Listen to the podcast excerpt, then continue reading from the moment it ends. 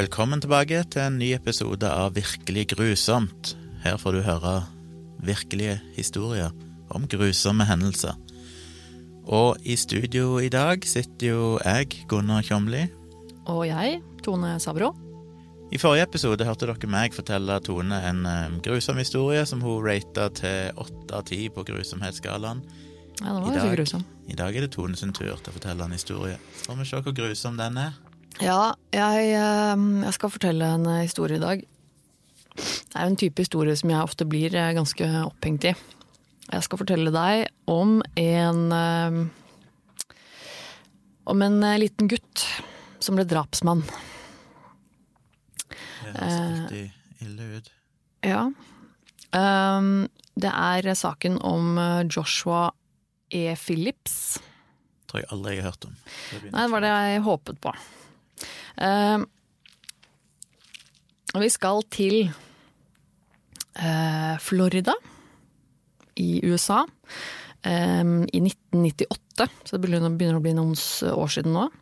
Uh, liten, uh, lite nabolag i, i uh, Florida, hvor det bor en gutt og en jente i hvert sitt hus på hver sin side av en vei i et lite nabolag.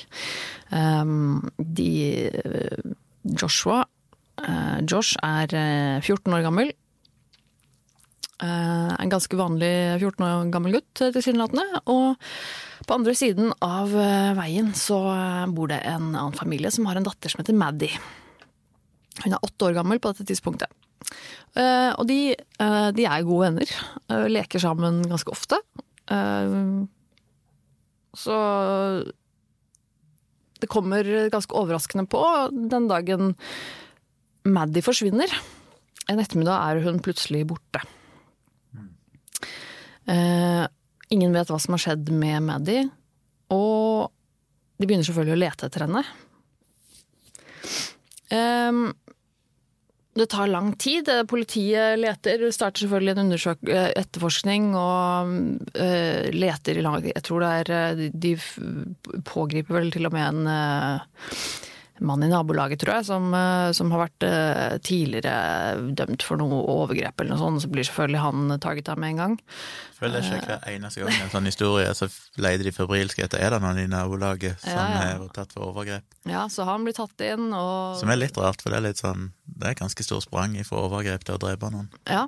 Ehm, men han har alibi, så han blir jo skrevet ut av saken ganske fort. eh, og de fortsetter å lete etter henne, og politiet gir litt eh, opp eh, letinga etter noen dager. Men de får jo med seg veldig mange frivillige da, i nabolaget til å begynne å, til å være med på å lete. Det blir en kjempeleteaksjon. Jeg tror det er over 400 frivillige som begynner å, lete og lete etter lille Maddy. En av dem som hjelper til å lete, er Josh, hennes gode venn og nabo. Men de finner ikke Maddy. Um, men en uke senere så um, skal moren til Josh rydde litt på rommet hans. Og um, begynner å rydde litt, og så finner hun noe Jeg tror det var at hun, eh, hun fant noen flekker på gulvet eller noe sånt. Og rundt senga til, til Josh, det som var litt eh, Hun tenkte da, var at uh, Josh har vannseng. Så hun tenkte jo umiddelbart at eh, det var noe galt med vannsenga hans. At den hadde begynt å lekke. Så hun begynte å sjekke ut denne senga. Uh, og sjekker under madrassen. Og får et eh, sjokk når hun oppdager at det ligger et, en kropp under senga til Josh. Genial plass å gjemme. Så under vannsenga, under madrassen i vannsenga, liksom, eh, inni under senga ligger, ligger da liket av Maddie. Hun er død. Um, ja. Hun har jo vært død en, en uke, da. Uh, og har uh, tilsynelatende eh, veldig store skader. Hun er knivstukket og har slagskader i hodet. Jeg syns allerede det er grusomt bare å tenke på hvordan det må være for denne mora. Jeg mener det er tidenes sjokk. Jeg syns det er ille å finne en edderkopp under madrassen eller noe sånt. Da hadde jeg frika ut. Men hadde jeg funnet en død jentunge, Ja. så hadde jeg hatt problemer med å Da hadde jeg hatt en unnskyldning for aldri mer vaske i huset, for jeg hadde sagt det var traumatiserende. Ja, det må jo ha vært helt grusomt. Og jeg tror hun, hun hadde uttalt at hun kikka litt sånn under senga og hadde funnet en sokk, og så skulle hun liksom ta den sokken, og så var det liksom en fot. Altså sånn at Hun hadde liksom skjønt fort at herregud, dette her er jo hva i all verden, ikke sant. Og hadde jo skjønt, da. Eh, hun hadde jo selvfølgelig blitt kjempesjokkert og, og fra seg, og hadde jo skjønt eh, Hadde jo sikkert kjent igjen Maddie da, og skjønt at dette var Maddie. Og selvfølgelig at hun var død. Um, og hadde løpt til politiet med en gang og, og sånn, og de hadde da Hadde da um, pågrepet uh, Josh. Og det de kom fram til da Josh uh, fortalte ganske fort hva som hadde skjedd. Han sa at uh, han hadde vært alene hjemme en ettermiddag. Og så hadde Maddie kommet, som hun ofte gjør, da, og ringte på og spurte om de skulle leke sammen. og hadde spurt om de skulle slå litt baseball i, i hagen. Er ganske stor aldersforskjell. 14 og 8 år, var det ikke det? Jo. Ikke så ofte 14-åringer og 8-åringer leker sammen. Nei, vet ikke, det var kanskje ikke så mange barn i nabolaget der. Jeg vet ikke om de kanskje ikke hadde noen søsken eller noe sånt. Jeg vet ikke, Det har jeg faktisk ikke peiling på. Men de var nå i hvert fall venner. Um, og det som hadde skjedd, da var at de hadde gått ut i, i, i hagen, eller i bakgården eller hva det var, hos Josh. Um, og hadde, de hadde hatt en, en baseballballtre og en, en, ball, og skulle kaste og slå litt baseball med hverandre. Og Maddy hadde kastet ballen til Josh, som hadde slått ballen. Og den ballen hadde da sprettet tilbake og truffet Maddy i øyet. Var sikkert med ganske stor kraftig hastighet, for hun, hun, begynte å blø fra øyet og ble selvfølgelig kjemperedd og begynte å skrike og gråte og fikk veldig veldig vondt og var tydeligvis skadet da, av det som hadde skjedd nå plutselig. Så Josh sier at han, han fikk panikk. Han skjønte jo at dette, her, nå, dette er jo alvorlig. Nå, nå, han blir kjemperedd, han fikk panikk. Så det han hadde gjort, han sier han at han, han dro med seg Maddie inn i huset. For han vet at Shit, pappa kommer hjem snart. Og jeg får ikke lov til å ha folk hjemme hos meg når jeg er alene hjemme. Det var faren veldig streng på. Så han blir kjemperedd, drar med seg Maddie inn, drar henne med seg opp på rommet sitt og kveler henne med en telefonledning. Og slår henne i hodet med baseballballtre. Og putter henne under senga. Uh, så kommer faren hans hjem ikke så lenge etterpå det her. Og han eh, lar Maddie ligge der, går ned til faren og, og er, snakker litt med faren eller er med faren en liten stund og liksom later som ingenting. Når han da kommer opp på rommet sitt igjen, så oppdager han at Maddie ikke er død. For det kommer noen lyder fra under senga hans, han skjønner at okay, hun er faktisk ikke død. Og da tar han en kniv, og så knivstikker henne i, i brystet i eh, Eller i hvert fall i, i brystregionen elleve ganger. Han knivstikker henne elleve ganger. Så, til hun dør, da, åpenbart. Um, og gjemmer henne igjen da, under senga. Um, og det Josh sier, da, Uh, angående det her etterpå, når han da er i, i For det blir jo selvfølgelig rettssak og, og, alt. Han, han, innrømmer jo alt det som har skjedd. Det blir rettssak, og han blir pågrepet og, og, og sånn. Og forklarer jo det, denne historien og sier at han, han, var, han, var, redd og fikk panikk fordi uh, faren hans uh, visstnok var veldig streng og da hadde tydelige regler da, på at han ikke fikk lov til å ha besøk av noen når han var alene hjemme.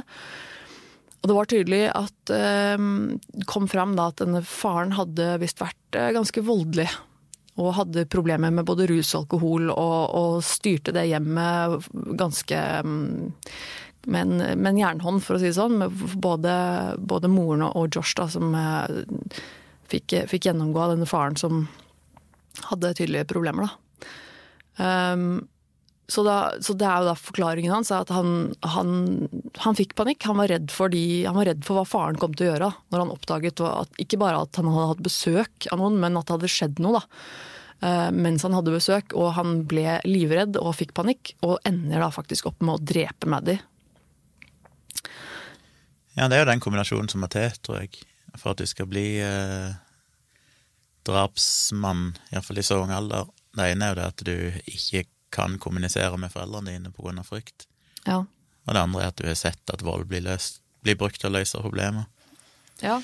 Og det er det som er så tragisk, det der når du, når du er Det er jo en idé om at hvis du oppdrar noen strengt, så blir de liksom ordentlige folk. Men når du gjør det på en måte som gjør at frykten for å At du ikke lenger har en åpen kommunikasjon med dem Det er det jeg ofte tenker på min datter, liksom at det er liksom prent inn at uansett hva som skjer, om du så skulle drepe noen, Mm. Fortell det. liksom. fortell det. For det, jeg kommer alltid til å være glad i deg og hjelpe deg alt jeg kan. Det er liksom min største frykt. Det er ikke nødvendigvis hva de gjør, selv om det selvfølgelig er en frykt at det skal skje noe galt, at de skal havne i en sånn situasjon, men det er jo det at de skal gå rundt og bære på det, Mm. og ikke kunne snakke om det, og ikke kunne innrømme det, ikke fordi at når du er så liten, så så virker jo ting veldig håpløse, og så ofte finnes det løsninger. Selvfølgelig forhåpentligvis ikke når det gjelder drap, da, men det er ganske mange ting som kan føles veldig, veldig alvorlig for et barn, Altså, som en voksen så ser du at ok, men dette er jo Dette fikser vi, liksom. Mm. Så det blir så trist av å høre folk som vokser opp sånn med foreldre, og de er så redde at de ender opp med å gjøre ting verre fordi ikke Ja, Ja, de frykter mer det som foreldrene vil gjøre, enn andre konsekvenser. Ja, og øhm, Josh har jo Det har vært øh, gjort flere intervjuer med han øh, Josh i etterkant, og han har jo også sagt øh, Men jeg husker jeg så et intervju også at han hadde sagt at han, øh, hans metode ofte da han var liten, var for å komme seg ut av ting hvis noe skjedde, var bare å late som det ikke hadde skjedd. Altså prøve å dekke over det, eller og, og liksom, og, og late som det ikke hadde skjedd, da, fordi at han var veldig redd for konsekvenser og, og sånne ting. Da. Så det er jo ganske trist, egentlig, da, å høre. Men det som skjer videre, da, det er jo at uh, at Josh, som, uh, som da var 14 år gammel da dette skjedde, uh, blir dømt til livsvarig fengsel uten prøveløslatelse. Så han er, ja, så han er, Amerika, 15, militære så han er da rukket å fylle 15 år gammel.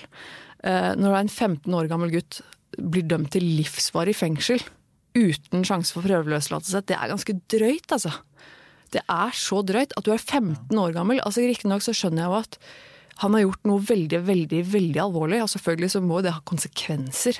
Han må jo få en straff for det her, det må jo det må skje noe. Men å Han må ikke dømme nødvendigvis ha en straff engang, han må ha hjelp. ja, altså, no, ja, altså, det må, må ha en konsekvens. Altså, han må, det, må, det må skje Jeg, noe. jeg vet ikke hvordan det er i Florida, men i fleste statene der så er vel 21 år for å kjøpe alkohol, så du er liksom ikke moden nok til å drikke alkohol før du er 21. Nei, Men men likevel så ble han, eh, ble han ansatt som, eh, ansatt, eh, ansett som, som voksen. Da. Altså, han ble trialed as an adult, som det heter på, på engelsk. Det er det jeg aldri skjønner, for det, de har vel òg seksuell lavalder på 18 år i mange av de statene, jeg vet ikke hvordan det er i Florida, men det er liksom det at du ikke er voksen nok til å gjøre noen av de tingene før du er 18 og 21. Ja, men likevel så kan de se på en 14-åring og tenke nei, nei. Du er ansvarlig for dine handlinger. Han skal sitte i fengsel i resten av livet.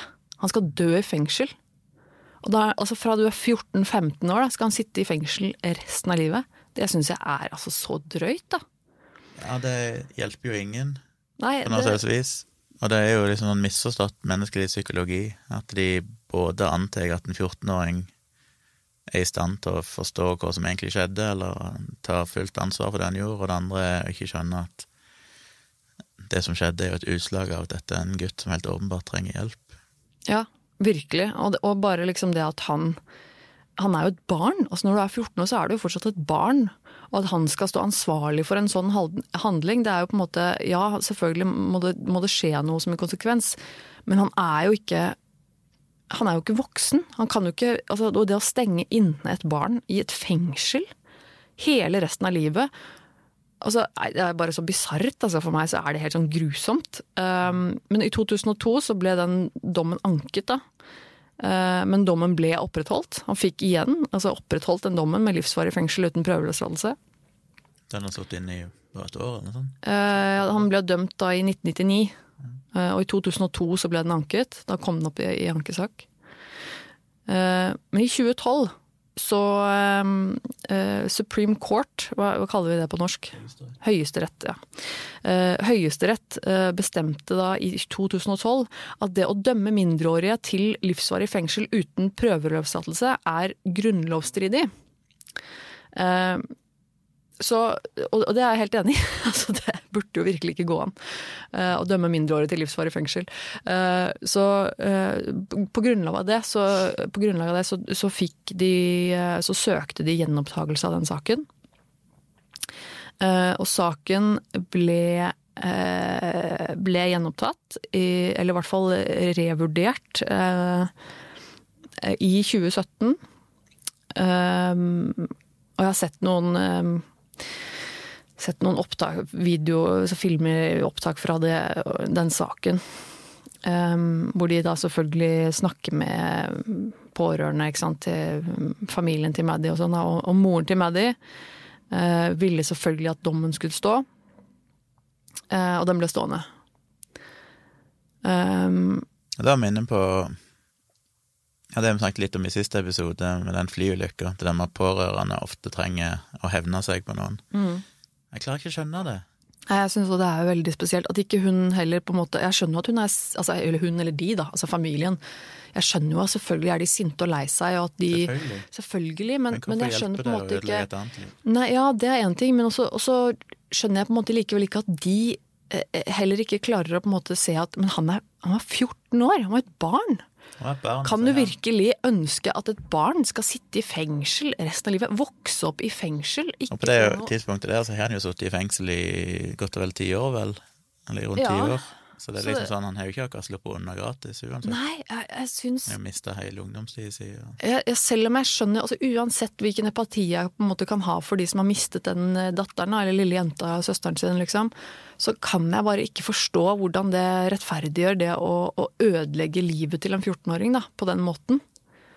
Og, og, det er på en måte helt sånn tydeligvis helt irrelevant, det at han selv levde kanskje litt vanskeligere enn det de trodde. Da. At han faktisk hadde et hjem hvor han hadde en far som var voldelig og, og slet med rus og alkoholproblemer og sånn. Det er jo på en måte ikke relevant i det hele tatt. Det er jo merkelig, syns jeg, at, det, at liksom hele hans syke og grunnlag for det han gjorde, ikke skal ha noe å si i saken, syns jeg er helt merkelig. I hvert fall når han er liksom 14 år, da.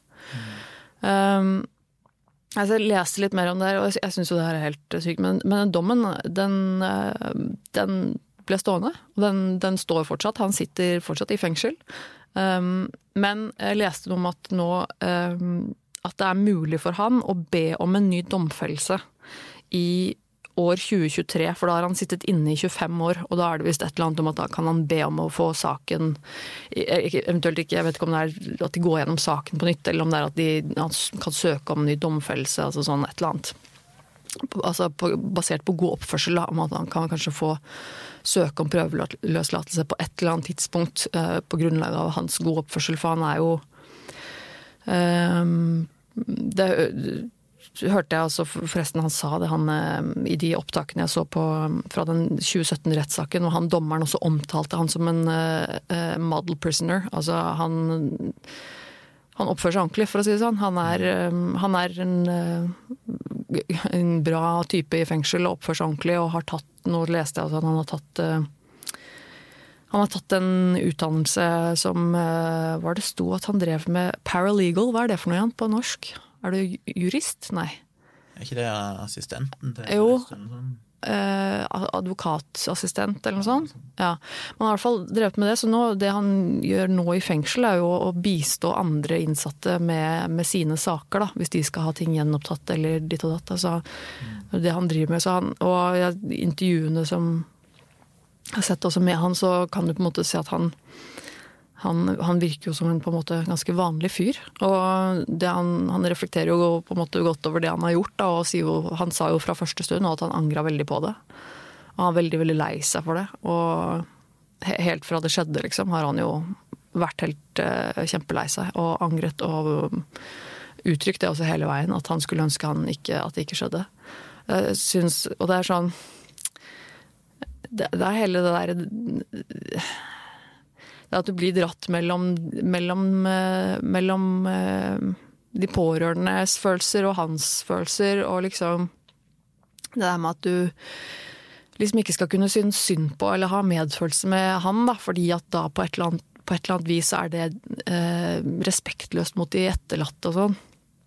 Jeg syns det er litt vanskelig, for jeg føler jo veldig empati liksom, med begge deler. Jeg skjønner jo godt at de har det kjipt, de som mista henne, men jeg føler jo enorm empati for han Josh også, merker jeg.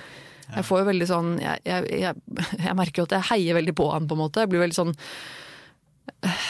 jeg kjenner jo at når, når, de, når, jeg leser om at de sakene de prøver å anke det og ta det på nytt igjen, og til og med når Høyesterett har, har sagt at det i 2012 at det å dømme mindreårige til, til livsvarig fengsel uten prøveløslatelse er grunn, grunnlovsstridig. Det er, liksom, det er vedtatt at de mener det, og likevel så får han ikke en ny så jeg bare liksom merker at jeg, jeg, blir litt sånn åh, ja, men nå får du fader meg sørge for at han kommer ut etter hvert. Altså, det er på en måte Jeg føler det er så mye sånn endringer sånn i, i i regelverket, lovene, som ofte ikke er tilbakevirkende kraft. Jeg skjønner at i noen sammenhenger så kan det være vanskelig å ha tilbakevirkende kraft, men i sånne tilfeller er det mer sånn prinsipielt at dette ja. faktisk er umoralsk på en måte. Ja, at han var mindreårig, rett og slett. Altså, han var et barn da det skjedde. At det ikke skal ha tilbakevirkende kraft, er veldig, veldig rart i så fall. At ja, ikke den automatikk i at da må du få saken din gjenopptatt. I forbindelse med den her så leste jeg også om et par andre saker også, med med en, eh, en, jente, jeg husker ikke hva hun het nå, men som også ble påvirket av sin Hun var også 15 og hadde en kjæreste på par og 20 eller noe, eh, hvor de sammen drepte en, eh, en fyr som var fysisk utviklingshemmet. Fordi at hun fikk beskjed av han om å gjøre det. Og hun var, hun var så forelska i han og, og, liksom gjorde alt han sa og var helt sånn, ikke sant. 15-åring. Hun så ble dømt til livsvarig fengsel uten prøveløslatelse. Og det er liksom sånn det er bare noe så grunnleggende feil med det i, i, i mine ører. Altså det ja, det går jo til den evige debatten, de paradoksene med i Norge òg, med seksuell lavalder og strafferettslig lavalder og sånn, men ikke sant, der òg. Hvis han hadde hatt sex med henne, så ville jo han blitt dømt fordi ja hun er ikke i stand til å Han vil være liksom maktpersonen og mm. forlede henne og misbruke henne. Mm. Men hvis han forleder henne til å ta livet av noen, så, så er det plutselig hun som er ansvarlig. Mm. Som er sånn veldig, veldig Det er kjemperart. merkelig og inkonsekvent. Hva syns du? Det, var det grusomt? Jeg syns alltid, og det, er jeg kanskje fucka, men det mest grusomme med sånne saker syns jeg alltid er gjerningsmannen som blir dømt til en veldig lang fengselsstraff i ung alder. Ja, det er jo ganske grusomt. Ja, sånn... Og så er jo selvfølgelig drapet er jo ganske grusomt. Selvfølgelig er det grusomt og, og helt forferdelig at det skjer. At hun først da får en baseball men, i trynet. Men forskjellen er jo det at når han dreper henne, så er jo det en handling som er kun mellom han og henne. Det er ikke noe som vi som samfunn på en måte kan ta ansvar for. Mm. Mens den, den, måten samfunnet velger å reagere på, ved å For jeg mener det er litt som er problemet med dødsstraff òg, at jeg skrev en bloggpost en gang om dødsstraffen, og jeg så et, et eller annet sitat, jeg husker ikke hvem som sa det, men den ideen om øye for øye, tann for tann, dette må du skal straffe likt med likt, er ikke korrekt mm. når du straffer, for det, da er tanken at hvis du har drept noen, så fortjener du å bli drept. Mm. Og det kan høres riktig ut, bortsett fra at det blir ikke likt, for i det ene tilfellet så er det noen som blir drept, mens i det andre tilfellet, hvis det er dødsstraff for gjerningspersonen, så sitter de da inne først i kanskje 15-20 år. For, ja, lenge. Og så får de på et eller annet tidspunkt en dato og et tidspunkt de skal dø. Ja. Og det er noe helt annet. altså det, Da må det i så fall være at du sa til noen at eh, nå er du sperrer deg inn i dette rommet, og på den datoen meg for å drepe deg. Ja, skal jeg komme og drepe deg. Ja. Det er liksom, det er ikke likt. Nei, det er og det er en sånn helt fundamental forskjell mellom det med Altså, én ting er det han gutten gjorde i et anfall av frykt og ja, egentlig frykt, da. Mm. Der du kan gjøre mye, mye idiotisk, men så må en jo forvente at når du da faktisk har tid til å tenke deg om altså De forventningene vi stiller til den gutten, er jo at dette burde ikke du gjort, du burde mm. ha tenkt deg om og skjønt konsekvensene. Mm. Og så responderer samfunnet ved å si at men vi vil heller ikke tenke. Mm. Selv om vi egentlig har tid til det nå, så kan vi velge en bedre løsning. Mm. Så velger vi allikevel å gi deg en straff. Mm som på mange måter tilsvarer en dødsstraff, og i USA av og til er dødsstraff, mm. som bare blir helt sånn Ja, men det er jo helt, helt bak mål, for da sier du egentlig at det er greit å drepe noen, til og med om du har tid til å tenke rasjonelt over det, mm. så er det fortsatt greit å ta et liv. Som er sånn Det henger ikke på greip i det hele tatt. Og det er derfor jeg tror jeg får litt mer sånn vonde følelser av tanken på at vi som samfunn, med overlegg, velger å straffe noen på den måten. Mm. Eh, og basically ødelegge livet til noen når de er så unge, og si at du får ikke vokse opp og ha et liv som alle andre mennesker. Mm. Eh, Og det velger vi å gjøre. Mm. Med fullt overlegg etter å ha tenkt nøye gjennom saken, så velger vi fortsatt det for deg. Mm. I tillegg til alt det andre, da, at jeg vil jo anta uh, Jeg vil jo tro de må ha gjort noen psykologiske tester av han, for jeg mener det er jo en sånn vesensforskjell på Hvis en kan snakke om at det kanskje finnes noen individer som er truende til å drepe fordi de på en måte er sosiopater, de har ikke empati, de skjønner ikke. Og hvis du da slipper han ut etter 25 år, så vet du aldri om han kanskje da fortsatt kan finne på å velge drap som en utvei, hvis, han, hvis det gagner han på et vis. Sånne folk skjønner jeg jo er litt vanskeligere, men uh, ut fra det lille jeg vet om han her, Josh-fyren, så virker jo ikke det som at det kanskje var årsaken. Og jeg vil jo håpe og anta at de har gjort noen psykologiske undersøkelser for å sjekke om dette var noe som ble gjort gjennom ren frykt, og fordi han var umoden og ung, eller om han er en person som bare ikke skjønner at dette her var galt, og ikke skjønner at dette skaper lidelse for andre, og dermed teknisk sett kan gjøre det igjen når han slipper ut. Ja. Og siden han har uttrykt mye anger og sånn, så ja, anta han ikke- eh, har jo på en måte vært veldig, veldig lei seg. Det, så det, det tyder jo på at han vet at det var galt. Men jeg, eh, jeg, jeg, når jeg så på de opptakene rett, fra retten og sånn, så eh, er det jo selvfølgelig De, de stiller jo spørsmål ved dette med eh, alderen hans og, og sånn, men, men de adresserer også det at eh, som jeg tar meg selv i å liksom tenke litt på, som jeg syns en måte er en del av det grusomme. er Jo, hvis du ser liksom for deg den Det som skjer, da, altså måten hun blir drept på. Og at, at går At han, alt det han gjør for å drepe henne, på en måte. Og hvor, hvor sakte hun må ha dødd. Og at han flere ganger har muligheten til å stoppe seg selv, men ikke gjør det. Og det er liksom, jeg, jeg, kan, jeg kan skjønne det, også på, grunnlag av på måte, mange av de tingene vi har snakket om, med at han var redd og, og ditt og datt. Altså, uansett, nå, nå var det på en måte for seint. Har du gått over et visst punkt, så er det på en måte for seint. Jeg, jeg, kan- jeg kan skjønne den, på en måte, men, men hva er det for noe i han som likevel får han til å gjøre det, liksom? At at det faktisk ligger noe i han. Da, til, altså jeg tenker, hadde hvem som helst gjort det, i, i frykt, selv om du var kjemperedd for konsekvenser av, av å bli banka opp eller av et eller annet av faren din. Men han, vet, han må jo skjønne det at å sitte i fengsel resten av livet er verre enn om faren hadde banka han opp der og da. Og det betyr jo at han per definisjon ikke er moden nok til å kunne se fram i tid og skjønne konsekvenser av sine handlinger. Så bare der burde han jo nesten Ja. bli ikke dømt. Fordi hvis han per definisjon hadde skjønt det valget han tok, så ville han jo ikke gjort det, på en måte. Nei, men han, uh, han kan jo ikke tenke at ved å gjemme jenta under senga, at han vil slippe unna. Altså, han har jo ikke tenkt gjennom saken, selvfølgelig. Han vet jo ikke hvordan han skal løse dette, så det er jo en ren impulshandling gjort. Ja, og det er jo helt.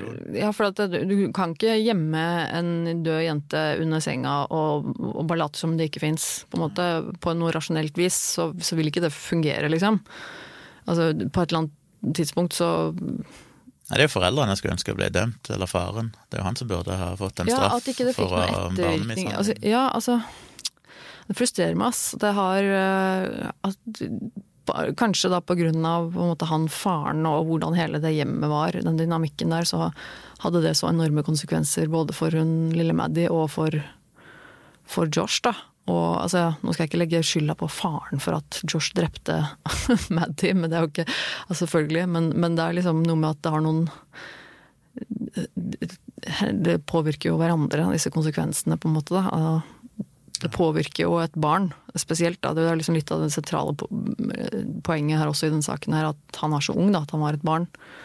Og det for et barn å vokse opp i et sånt hjem, det tror jeg har noen konsekvenser som, som man ikke kommer utenom. Liksom. Det syns jeg blir så, så rart at man bare kan se bort ifra det. Når det på en måte for meg hadde vært et så sentralt poeng i den saken òg. Ja, når det gjelder grusomhetsskalaen, så er jeg litt usikker på hvilket perspektiv jeg skal inn til. Ja. Um, Historien. jo- ja, som helhet. men bare for å tenke høyt, grusomhet for hun jenta, bare tenk på en grusom situasjon hun var i. Først bli skada, Å ja, og så ja. bli kvelt, men ikke dø av det. Så det betyr at du da er bevisst ganske lenge. Og slått i hodet med et balltre Ja, og gjemt men det var jo ikke etter hverandre, så hvis han først ble kvelt, Og så jeg forhåpentligvis mista bevisstheten, så hun ble slått i ho- hodet, så var hun forhåpentligvis bevisstløs allerede. Jeg vet ikke hvordan hvilken serie dette skjedde i, men Men det må jo selvfølgelig være en helt, helt forferdelig Ja, jeg kan ikke tenke deg noe verre omtrent for henne. Og så er det gutten, da. Den frykten han har opplevd, Mm. og det han har gjennomgått, og hva han må ha følt etterpå. Mm.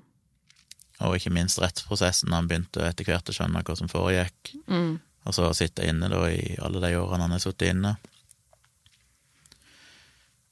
Eh, Så er det jo Så kan en jo selvfølgelig innta perspektivet til familien til jenta og familien til gutten, som òg selvfølgelig må ha hatt de verste dagene i sitt liv. Ja.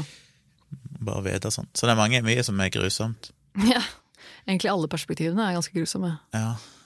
Um, men jeg vet ikke, det er Det er en sånn historie som er for meg litt vanskeligere å sette meg inn i, kanskje, Mm. i den forstand at det blir veldig sånn konkret, og ikke nødvendigvis Ja, hva skal jeg forklare? Eh, sånn som den historien jeg fortalte i forrige episode, så føler jeg mer jeg kan sette meg litt inn i den følelsen av over så lang tid være klar over at nå kommer du til å dø, for eksempel Mm. som jeg syns føles verre. Og kanskje jeg bare har strengere kriterier enn deg. Men jeg tror denne historien på grusomhetsskalaen Problemet når en gir sånn skala, er at det alltid en tendens til å være over fem. Det, blir alltid, det skal være fra én til ti, men det blir som regel fra fem til ti, fordi at du føler alt, alt er litt over snittet. Du kan ikke rate den under fem, da er du jo bare hjerteløs, på en måte. Ja. Nei, men ja, bare kom med tall, det er ikke noe Dette er veldig Hvis ikke uformelt. historien Så... er over fem, så er det ikke verdt å fortelle det. Så på en måte ja, blir det mellom fem og ti de må ligge. Ja, men det kan ikke jeg vite på forhånd, da. Så hvis du faktisk føler at det var en toer, så er det noe jeg må ta til meg. Jeg vil kanskje si eh, seks av ti. Ah, ok, ja. Hm. Ja. Ok, Min, eh, min rating. ja vel. Det er greit. Neste episode så er det din tur igjen til å ha en historie til meg. Så Ja. Og hvis dere er uenig i grusomhetsratinga, så send dere en mail på virkeliggrusomt at gmail.com. Eh, eller skriv dere i sosiale medier, dere finner dere der rundt forbi. gjerne komme vi- med tips også til ja. historier vi kan eh, fortelle om her. Kom gjerne med tips, og send meg gjerne lenker da, til artikler og sånne ting, så vi vet hva, hva dere sikter til. Så skal vi gjerne kikke på det og fortelle det hvis det virker interessant og grusomt, og vi finner nok informasjon om sakene. Må jo også si nå at uh, hvis folk har hørt på dette og syns det er kult, at det, at det rater og reviewer, er ikke det det heter? Rate and review. Eh, fortell en venn om podkasten vår. Eh, spre ordet om denne nye podkasten. Det er veldig kult hvis dere vil hjelpe oss å bli sett og hørt. Abonner på podkasten i de appen du bruker, eller Spotify, eller hvor det måtte være. Rate dere. Og del. Det betyr veldig, veldig mye for, eh, for at vi skal få mulighet til å nå ut til mange. Ja. Så det setter vi veldig pris på. Så er vi veldig glad for tilbakemeldinger. Så send dere gjerne mail på virkeliggrusomt at gmail.com. Yes, Det var vel nok grusomheter eh, for denne gang, var det ikke det? Neste gang er det min tur, så da får jeg prøve å finne en historie. Men da ønsker vi dere velkommen tilbake til nye grusomheter i neste episode. Ha det!